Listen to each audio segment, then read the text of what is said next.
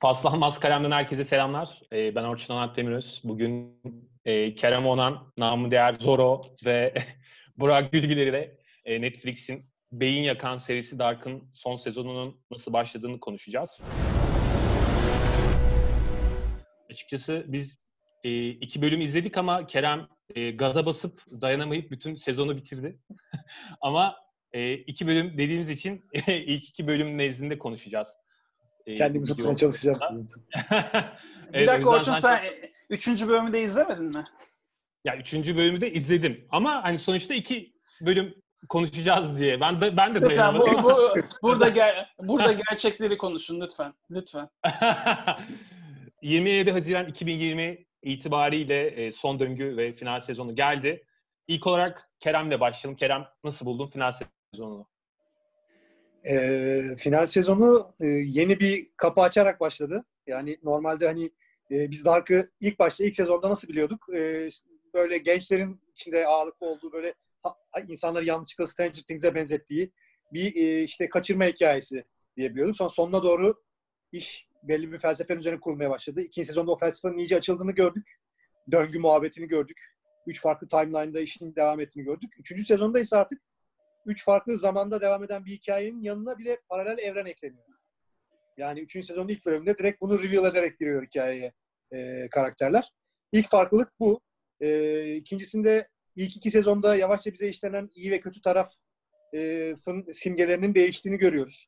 E, Dante'nin Inferno'sundan çıkmış bir e, portreye bakarak, şey portre diyorum, resme bakarak duran e, Adam'ın yanına bu sefer e, bir teyze geliyor e, ve onun arkasında Adem'le Havva'nın portresi var. Yani olayın boyutu biraz daha genişliyor. Bittikçe genişleyen bir evrene şahit oluyoruz burada. Ve bu genişleyen evrende Jonas'la Marta'nın ilerek artan rollerini görüyoruz. Yani ilk edindiğimiz izlenimler bunlar. Bir de yeni çıkan e, bu e, yeni sezonun ilk bölümünde karşımıza ilk çıkan bir karakter var. Üç zamanının versiyonuyla beraber gezen bir karakter. Ve e, bu karakterin de insanların çok dikkatini çekeceğini zannediyorum. Önemli bir karakter. Şimdilik ilk iki, sezon, iki, iki bölümü izleyince dikkatimi çekenler bunlar. Bunların üzerine hikaye işliyor gibi görünüyor. Burak sen ikinci sezonu tekrar baştan izledin ve e, sürmenaj olduğunu söyledin. Senin için nasıl başladı üçüncü? Abi çok güzel başladı şu ana kadar. Ben hep şey diyorum ilk sezonu bitirdiğimden beri böyle e, kapalı çarşıya benzetiyorum birazcık Dark'ı. bir kapıdan giriyorsun içeriye, içeride dolaşıyorsun, dolaşıyorsun. Sonra çıktığın kapı apayrı bir kapı ve nereden girdiğini hatırlamıyorsun diye.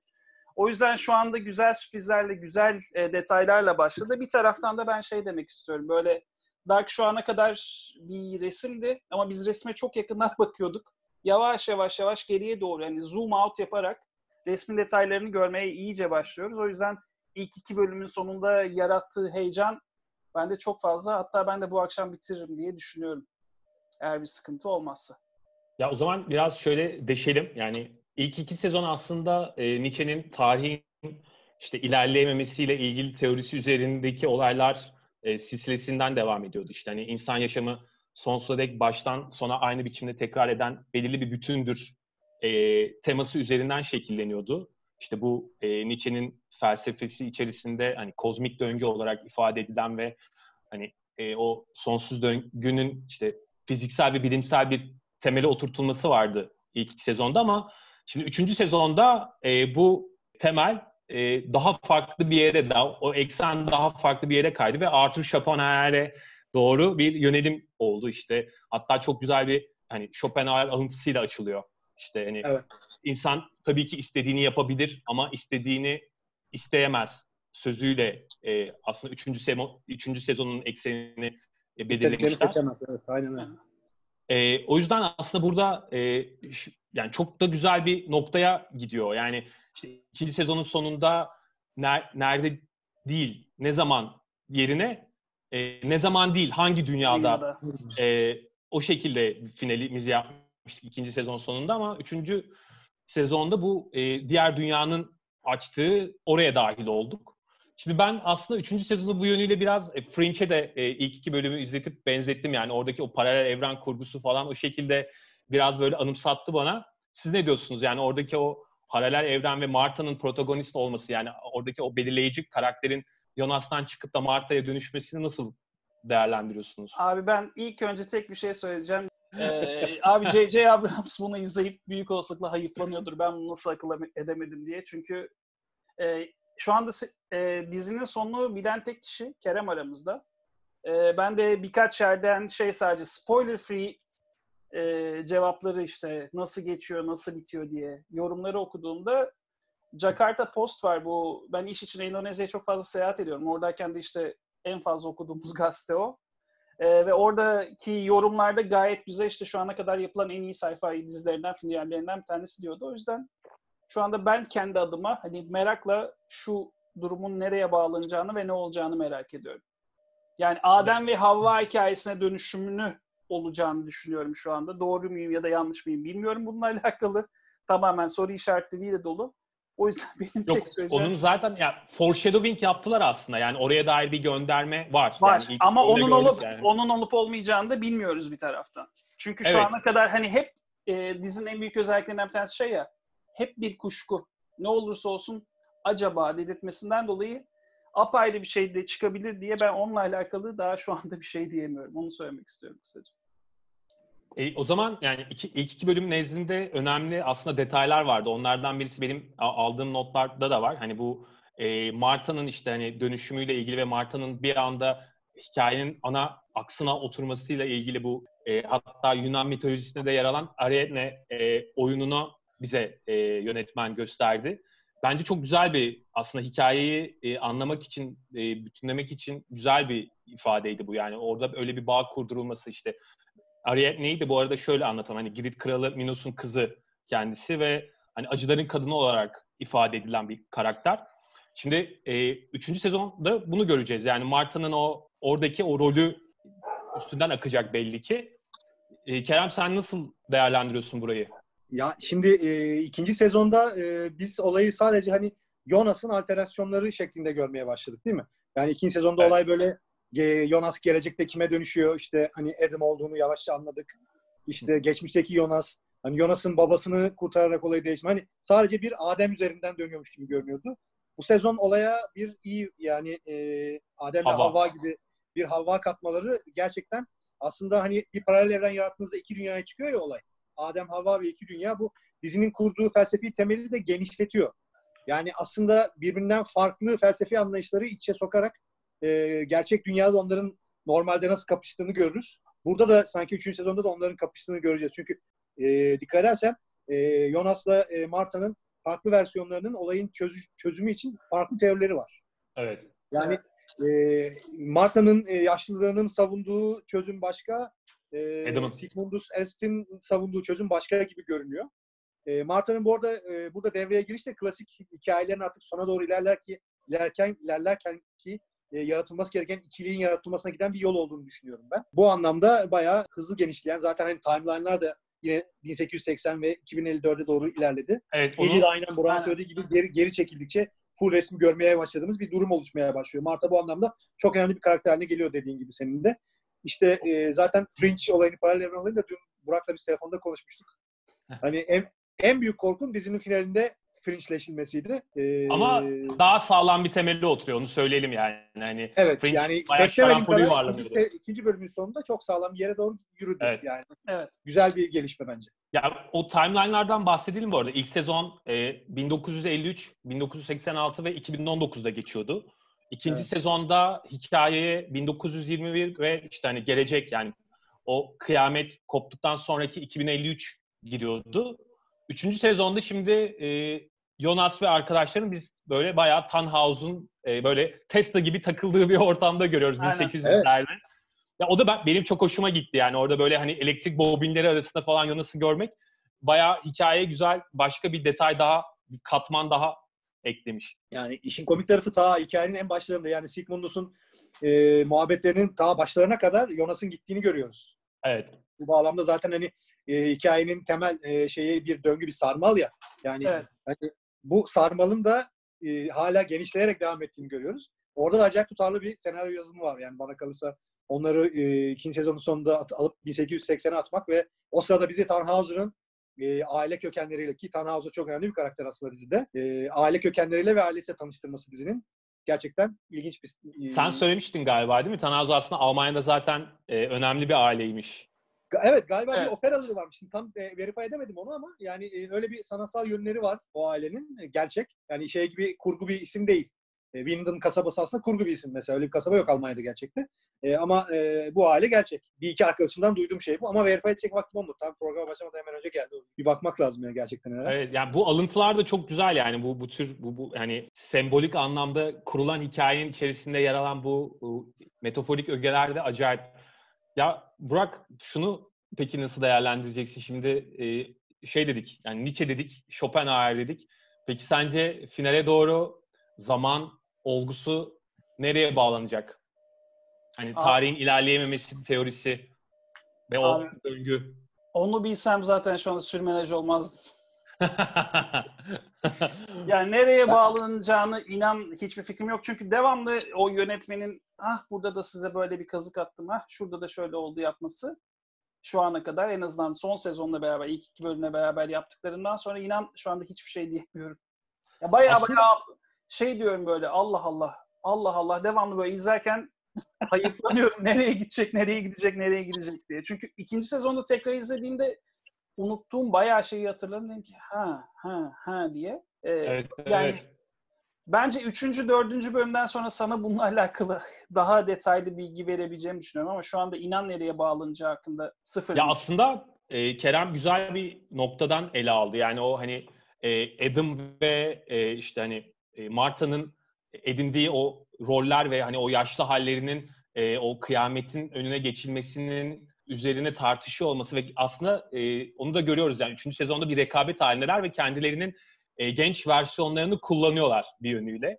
Şimdi e, şöyle bir durum var hani aslında buradan hani Adam'ın çünkü ikinci sezon sonunda Adam'ı bir e, suçlu olarak yani bu bütün bu post apokaliptik sürecin onun e, deneylerin sonucu olduğunu görüyorduk ama aslında burada tam da Nietzsche'nin felsefesine e, oturan bir yere görüyoruz. Yani e, direkt olarak e, bir saf iyi ya da kötü yok. Aslında zamanın kendisi e, bu kötülüğün ya da iyiliğin e, sembolü olarak. O oraya da gidiyor olması hakikaten yazarlık anlamında çok da böyle bütün böyle Alman e, felsefe tarihini ve idealizmini çok güzel şekilde, lirik şekilde anlatan bir detay olarak karşımıza çıkıyor. Ve şeyi merak ediyorum sadece şimdi bu, bu temeli yani sen tabii izlediğin için buna belki biraz da böyle çok da spoiler vermeden de girebilirsin. Ne şekilde e, sonlandıracaklar? Yani burada biraz da aslında teoriler üzerinden de iler, ilerleyebiliriz. Şimdi e, elimizde olanlara bir bakalım. Sigmundus Est örgütünün geldiği felsefi temel esote, e, şey hani bayağı böyle simyacılığın kökenlerinde olan evet. e, hermetik hermetik düşünceye dayanıyor. Bu hermetik düşünce işte tam olarak e, neleri kapsadığını, tam neleri anlattığını bugün bilemiyoruz. Hani e, İskenderiye Kütüphanesi'nin yok edilmesinden sonra kalan tabletlerden edinilen bilgilerle e, senin söylediğin felsefeye çok yakın bir felsefesi var. Aslında Schopenhauer'ın felsefesine hiç uzak değil e, her insan e, bir hayatta e, hayatı mükemmel yaşayıncaya kadar bütün hataları ve bütün kötülükleri yenene defalarca tekrar tekrar yaşar diyor bu düşünce. E, hani bu Schopenhauer'ın hayatın içinde bir döngüde hapsolduğumuzu ifade ettiği versiyona çok uyuşuyor. Sanki bunları senaryoyu yazarken bu ikisini birileri aramış bulmuş ve hani bunları hep beraber bir yere katalım ve bundan bir dizi yapalım demiş gibi. Gerçekten senin dediğin gibi hani sırf Alman e, felsefesinin ki yani tarihsel önemini biliyorsunuz Alman felsefesinin sırf adam, ona e, saplanmamışlar adamlar ve tarih öncesi bugün artık neredeyse kökenleri unutulmuş ve birkaç insan tarafından yaşatılan bir felsefeyi de e, başka bir şey olarak e, karşımıza getirmişler ve bunları kuantum fiziğiyle çarpıştırmışlar. Evet. E, bu iki taraf, bu iki felsefe yakın kuantum fiziğini kullanarak bir sonuca ulaşmaya çalışıyor. İşin komik tarafı da bu. Sen az önce Schopenhauer'e örnek verdin ya. Quote olarak alınmış olan Hı e, çok güzel bir cümlesi vardı. Evet. Dizide çok önemli bir yeri olan kuantum fiziği sebebiyle yani e, artık hani God Particle'dan kuantum fiziğinin içeriğine kadar önemli bir yeri olan Schrödinger'in de evet. en e, en çok sevdiği felsefeci zaten kendisi Schopenhauer. Ya senin yani, söylediklerine bir parantez açması babında e, bunu da ifade edelim. Zaten ilk sezonun başlangıcı aslında direkt Albert Einstein'la alakalıydı. Yani hı. o hani onun hani geçmiş, şimdiki zaman ve gelecek arasındaki fark işte hani sadece bir illüzyondan ibarettir. Ama işte bu hani illüzyon çok şeydir diyor ya, bu illüzyon e, çok güçlüdür diyor ya. Aslında e, dizinin temeli hem Alman felsefe tarihini kapsıyor bir yanıyla da böyle ciddi bir e, bilimsel hani Einstein ekolünden gelen ve işte kuantum fiziğine giden bir, bir yere de oturuyor. O yüzden Boran, Baran Boğdor'a bu yani dizinin yönetmenine bu anlamda şapka çıkarmak lazım. Çünkü o füzyonu, o, o hikaye yazarken o alıntıladığı yerleri mükemmel kuruyor. Evet, yani zamanın artık lineer olmadığını öğrenmeye başladığımız bir elimsel aşamaya doğru ilerliyormuşuz gibi bir hissiyat veriyor bize dizide. Değil mi? Şimdi biz son 20 yıldır bunu popüler kültürde de izlerini görüyoruz işte. En son Arrival'da gördük. Evet. Bilim kurgu sinemasında e, yani hmm, Interstellar'da bunu açık açık gördük. Değil mi? Ucundan kıyısından da çok hafif olarak da Matrix'e gördük ama başka bir temeli oturuyordu. Aa bak ee, evet. Çok güzel bir yere daha geldin. Aslında dizi biraz da böyle o Platon evrenine böyle hani gördüğümüz şeyler gerçekler aslında e, bir yansımadır yani. Ancak biz gerçeğin gölge halini görürüz gibi bir yere de oturuyor. Çünkü ikinci bölümde direkt o dejavu olayı işleniyor. Evet yani, yani o Matris hatasına da bir vurgu var. İlk evet, yani yönetmen aslında dejavu. kapsadığı yerin e, kapsadığı alanın ve o alanı ne şekilde kapsayacağını çok farkında. Yönetmen ve senaryo yazarı. Yani e, o yüzden hani e, bir sonraki bölümde ne yaz- yazacağını bilemeyen Lost e, yazım ekibi gibi değiller. Çok daha kaliteli ve oturaklı bir senaryo ile ilerliyorlar ve o yüzden de çok sağlam gidiyor. Bizi ben hiç şey diye düşünüyorum abi. Tüm 3 sezonu aynı anda yazmışlar büyük olasılıkla. Ya Bence 3 sezon aynı anda yayınlanmalıydı. Ben ona onu hmm. çok düşünüyorum. Yani ara vermeden 3 sezon aynı anda yayınlanmalıydı. Bir sürü insan daha iyi konsantre olup daha bütünlüklü görebilirdi olayı. İnsanların... Ama abi onu yani o bu prodüksiyon tasarımını o şekilde yapmak kolay olmazdı ya. Çünkü bir sürü evet, timeline, timeline var ya yani onu o şekilde çekmek hani yazmayı geçtim. Çekmeyi kısmı da bayağı olay yani. İki yıl var arada ya. Yani 2017'de tabii. başladı değil mi? 17, 19, 20. 20. Evet. Aynen. Yani ben ilk ilk sezonu izledikten sonra şey e, ikinci sezon başladığında şey demiştim. E, tamam kesinlikle baştan izlemem lazım. Hiçbir şey hatırlamıyorum diye. Bu sezon İlk duygu oluyor bende de. Aynen. Bu sezonu izlemeden evveldi işte ilk iki bölüm izlemeden evveldi ikinci sezonu baştan izledim tekrar. O yüzden hala buraya kadar gelip de diziyi hiç izlememiş olanlar varsa bir iki hafta içerisinde birden üçe izlemenizi özellikle Tabii yeni keşfedecekler için bayağı uzun ve daha şey yani yeni keşfedecek insanlar aslında en şanslılar için bizde. Çünkü Aynen. E, binge yapacakları için hani üst üste izleyecekleri için bir sürü detayı daha güzel kapacaklar ve daha şey yapacaklar. Ee, senin sorun şeydi hani finali nasıl yaparlar? Ee, evet, evet. Nereye bağlanacak? Ben onu az önce biraz dağıttım konuyu. Şimdi bu tür e, döngülü e, senaryolar ya da hikayeler ya da romanlarda, yazımlarda Stephen King'in Karakule'de düştüğü tuzağa düşmek diye bir şey var. Artık hani bu yazarlar arasında bence kesin konuşuluyordur alttan alta. Hani böyle Karakule'ye adam bildiğin Roland'ı hani söyleyeyim mi? Seyretmeyen söyle, söyle, söyle. söyle, söyle abi, söyle. Roland'ı başladığı yere çıkararak Karakule hikayesini ya zaten hikayeden ibaret, hikayenin sonu değil, hikayenin kendisi önemlidir diyerek bitirdi. O sırada bir kaza geçirmişti ve sonrasında da hayatı çok değişmişti. Hani bayağı Karakule'yi kısa kesti adam. Anlatabiliyor muyum? Hani Dark'ın şimdi ilk üç, iki sezondaki profesyonellik ve üçüncü sezonun gidişatına bakınca böyle bir kolayla kaçmayacaklarını tahmin ediyorum. Yani bu kolayla kaçmak bütün diziyi insanlara boşuna izledikleri hissiyatını verecektir. Hani bir sabah yine Winden'de dizinin başladığı yerde çocuklar varoşla kız Ormana gidiyor. bölümde. Yani orada başlarsa çok kötü olur. Bence berbat bir final olur. O yüzden bu üçüncü sezona girişimizdeki genişlemenin sadece tarihsel timeline anlamında değil, işte Orçun'un bahsettiği paralel evrenlerle ve e, Jonas ve Marta'nın iki karakter olarak ön plana çıkarılmasıyla başlayan genişlemenin e, böyle bir finale gitmeden daha güzel bir finalle bitirmesi için olduğunu düşünüyorum. E, tabii ne olduğunu söyleyemiyorum size, size ama. ya ama yani, Stephen King örneği güzel bir örnek. Yani abi a- genelde a- ağzın içine bakıyorum. Hadi söyle söyle söyle diye şu anda. Finali Yok, söylemeyeceğim tabii ki ama hani önemli bir detay söyledi ya. Kurgudan, Aynen öyle. anlaşılıyor ki güzel bir final bizi bekliyor. Öyle düşünüyorum. Yani daha fazla konuşmayayım. Gerçekten iyi olmaz. ya Stephen King çünkü genelde e, hani kitaplarında son, son yani final yazamamak ile eleştirilir ya. Tabii tabii. E, yani bence hani çok severim. Tuğla, çok severim ama bakalım geçenlerde ama hani bağlayamaz ya finaline. Evet. Bir türlü o finalde bir de bir de şey var. Finali güzel bitirse bile finalden sonraki after partları o kadar uzatır ki sen orada bayarsın. Yani evet. bazı kitapların son 20 sayfası okunmaz mesela. Gerçekten mükemmel finale ulaştı. İşte Kemik Torbası, Pet Cemetery gibi çok az romanı var ama o, o da onlar da gerçek korku zamanlarına ait. Artık zaten korku romanı yazmıyor.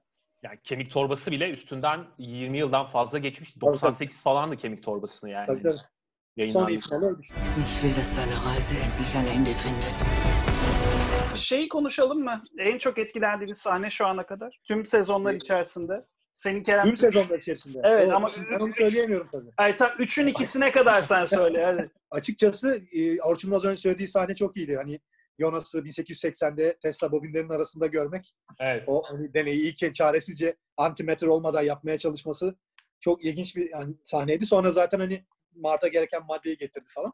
O sahne e, e, çok ilginç. Ben şeyi keşfettiğim zaman yani hani ta eskilere gidiyorum yani ilk sezona kadar Hı hı. gidiyorum. Nick Cave'nin e, Jonas'ın babası olduğunu anladığımız an Evet. çarpmıştım.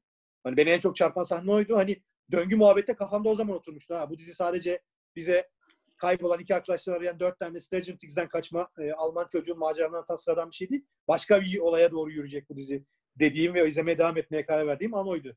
Sanırım bu ikisi. Bir de üçüncü bir sahne olarak da bu dudağı yaralı üçlü elemanların çıktığı üçün birinci bölümündeki ilk çıktıkları sahneyi sayabilirim. Çok gizemli ve çok güzel karakterler onlar. Onları zaten daha çok göreceğiz. Benim için galiba sonra- şey ya e, Adam'ın e, yani gençliğiyle Jonas'la e, o hani bir uzun bir sohbeti var ya ikinci. Evet. sezonda. O, o yani o sahne benim için gerçekten çok iyi kurulmuş bir sahneydi.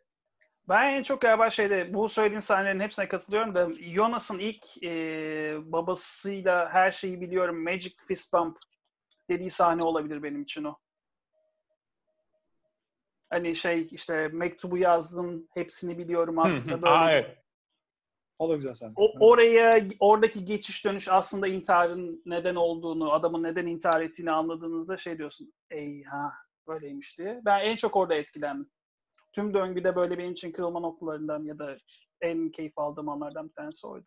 Benim için şu an mesela dizi gerçekten e, ben ilk üç bölümü izledim. Hani bu videoyu çekmeden önce dayanamayıp bir bölüm daha çaktım arada. Hani iki bölüm demiştik ama hani şu üçüncü bölümü de izleyeyim bakayım ne oluyor falan Sen diye. iyi bir bölüm izlemişsin. Adam dizi bitirdi. O, evet dün dün bayağı koşturmuş. bir Ben Kerem. maratona uzun zamandır yapmıyordum. Bir maratona koştum gerçekten ya. Diziyi de hani- düşününce aklıma şey takılıyor. Dizideki simgesellik çok başarılı kullanılmamış mı? Yani Evet. ilk başta o Sigmundus e, Est hani işte Thus the World is Created söylemin üzerindeki o şey var ya hani Hı hı. sarmalı bize belirten üç ayrı timeline ve üç ayrı hayat işte hayatın üç ayrı döngüsü. O işaretle hani bütün bu olayların başlamasına sebep olan nükleer e, santraldeki biohazard işaretinin birbirine benzediğini hiç düşündünüz mü mesela? Evet abi evet evet bravo. Mesela böyle şeyler var. Aynen. gerçekten. Burada bayağı şey imge bilim var yani. Orada bayağı semiotik mi? çalışıyor yani evet. Adam yani inanılmaz bir şey. kurgu da eksik yer bırakmamış. Hani Ya şeyi şey var canım. O, diyorsun ya nükleer. Mesela Çernobil'e direkt bir e, gönderme var. E, tanrı parçacığı e, kuramı işte direkt Sorne e, Gönderme gönderme. Yani bu tür aslında e, günümüzü kapsayan bu tür e, önemli olayları da dizi içerisinde barındırıyor. Evet dizi mesela orada da oradaki şeyde de hani e, kararlı hale getirirken geçidi kullandıkları e, şey hani e, antimadde, madde ve karanlık madde. Hani bu da bir üçlü mesela. Düşündüğün zaman hani işin içine simyayı sanki biraz da o yüzden katmışlar. Anlatabiliyor muyum? Hani o üçlü konseptini bozmamak için elinden geleni yapmış yönetmen o söylemde. Hani o oradaki bir tutarsızlık hiç gitmiyor. Şu ana kadar tutarsız gelen bana tek şey ikinci paralel bir evren çıktı ya. Hı hı. Hı hı. Şu an ikilik iki iki oldu. Hani bu hani dizinin üç konseptine ters geldi bana. Bakalım hani bunu nasıl Ha. değiştirecekler onu da çok Hı. merak ediyorum. Ama şey var Ee, şimdi şunu göre- söyleyelim. Ya ben üçüncü bölümü izlediğim için söyleyebilirim. Aslında 2053'ün de uzağına gidiyorlar. Ee, yani Evet. daha da geleceğe gidiyorlar. Orada Martı'nın farklı bir versiyonuyla e, karşılaşıyorlar. E, Burak'cığım sen spoiler yemiş oldun ama. Yok hayır abi. Bir, bir, Bir bölümden bir şey olmaz. hayır bir, bir geriye za- bir geriye daha zaten gitmişlerdi 1800'lere. Bir ileriye gidecekleri de belli. Zaten zaten. evet. O kadar da değil yani. Yuh. Belliydi diyorsun. O yüzden e, belki hani e, dediğin gibi yani o ikiliyi e, farklı bir şekilde yani bir başka belki üçüncü dünyayla da bilmiyorum sen izledin ama hani belki o tür bir yapıda kuruyor olabilirler. Göreceğiz. Hep beraber göreceğiz. Şeyi, yani hani karakterler mesela üçlü döngüde çünkü her karakteri mesela bizim aslında önemini kaybettiğini varsaydığımız karakterler bile tarihte geriye gidip kendi gençlikleriyle ve anneleriyle hani evet. her versiyonlarıyla görüşüyorlar tek tek. Hani o seriyi bozmaz diye düşünüyorum ben yönetmen. Hani o yüzden o dikkatimi çeken bir detay. Altını Ee, çizin. E, altını- Önemli burası. İzlerken o detaya dikkat edin. Ya bir de bu arada yani Schopenhauer dedik işte Nietzsche dedik. Aslında e, dizide çok önemli bir başka felsefeci daha var. Yani ondan da böyle kırıntılar var. Hegel de var. Yani Hegel'in diyalektiği de dizide acayip bir şekilde çalışıyor mesela. Onu da işte bu Helge karakterinde, Helge Doppler karakterinde görmek mümkün. Yani üç hali de o diyalektik üzerinden akıyor mesela. Hani bu, bu tür e, sadece hani tarihin ilerleyememesi gibi bir noktadan veya o, o döngüden değil de aslında bir tarih aynı zamanda bir diyalektiktir ve o diyalektiğin okunmasıdır söylemi üzerinden de akan bir yapısı var dizinin. O yüzden böyle çok farklı şekillerde okumaları da açık. Bir de şey vardı, kum saatiyle alakalı bir şey vardı zamanında okuduğum.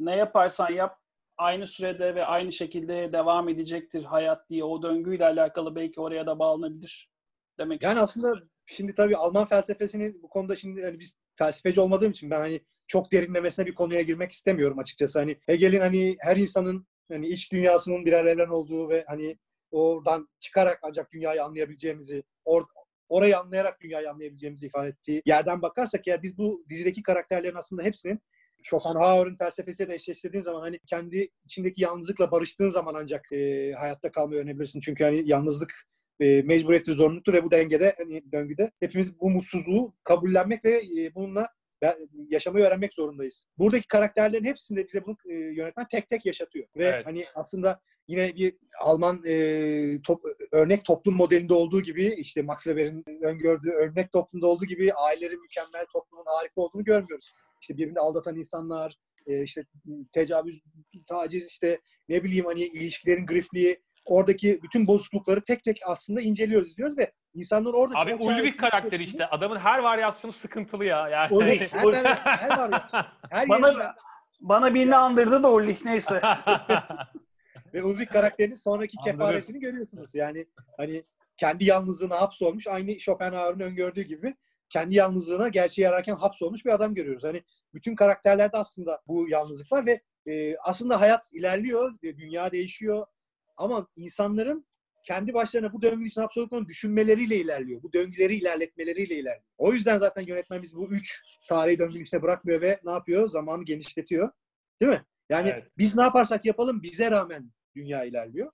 Ama biz bu sırada yaşarken hissettiklerimizle kendimizi o yaşam, yaşam alanımızdaki döngünün içine hapsolmuş hissediyor. Çünkü zaten bitecek biliyorsun. O alan içinde kendini hapsolmuş hissetmek zorundasın. Ama sana rağmen zaten devam edecek sonra bir şeyler. Evet işte orada o zaman mefhumunu kullanıyor olması yani onu çok güzel şekilde hikayenin bir e, motifi haline getiriyor ve o, onun üzerine işliyor hikayeyi. O yüzden çok başarılı gerçekten. Yani işte Nolan bize görsel anlamda bir takım bir şeyler gösterebiliyorsa mesela bu arkadaş anlatarak gösteriyor bayağı. Hani karakterlerle karakterlerin birbiriyle iletişim kurma biçimiyle, karakterlerin birbirini manipüle edilme biçimiyle. Yani hani orada sen az önce çok güzel söyledin. Jonas ve Adam'ın yaşlılığı ve evet. e, yani karakterlerin üç hayat e, döngüsündeki en yaşlı versiyonları ilk iki hayat döngüsündeki versiyonlarını sürekli manipüle ediyor. Evet. Sürekli onları en son hallerine gelsinler diye yeniden yeniden eğitmeye, yeniden değiştirmeye hatta bazen önceden söylediklerini yalanlamaya devam ediyor. İşte mesela yani bunu bu, en direkt şekilde ikinci sezonun mesela sonunda e, Adam Marta'yı öldürerek yapmıştı aslında. Aynen öyle. Aynen. Ve Üçtele Marta'nın bunu zaten diğer eski Marta'ya yapmaya başladığını görüyoruz. Burada aslında kendi hayatlarımızdan da yola çıkarsak hani biz e, doğuyoruz, yetişkin oluyoruz.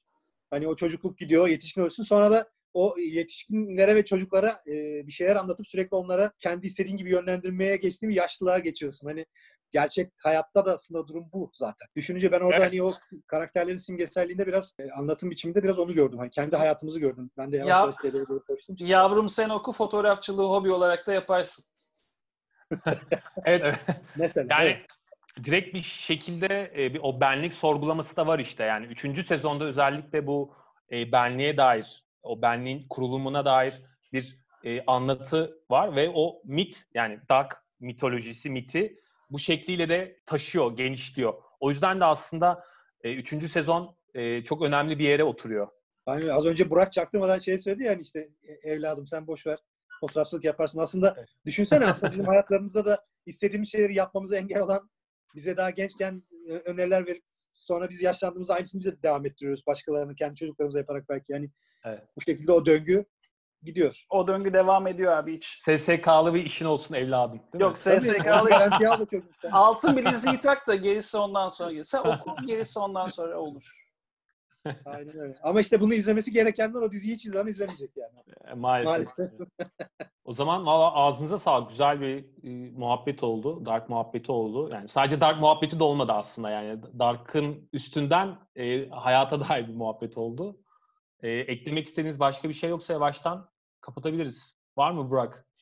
Bilmiyorum abi bir an evvel bu akşam bitirip ondan sonra bu e, sezonu bitirdikten sonra daha detaylı deşmek için çok sabırsızlanıyorum. Çünkü şey konuşacağımız bazı şeylerin hani işi berbat etmesinden, spoiler yemekten de bayağı bayağı korkuyorum bir taraftan. Sadece Kerem'le konuşurken Kerem'e şey sordum. Abi o dediğin gibi Jakarta postalikleri gibi güzel bitti mi? Sadece onu soruyorum diye söyledim Kerem'e. O yüzden yani onunla alakalı Öyle mi?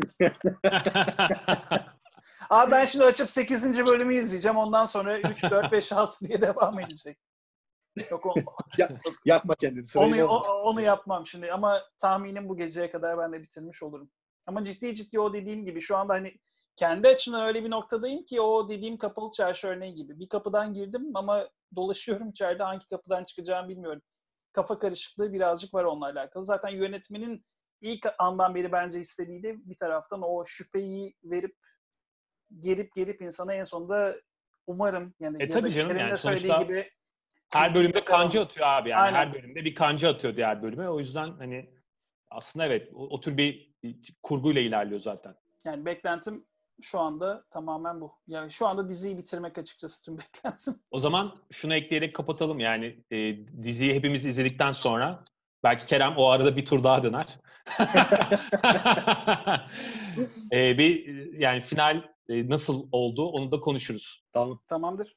Kendinize dikkat edin. Sağlıklı kalın. Selamlar. Görüşürüz.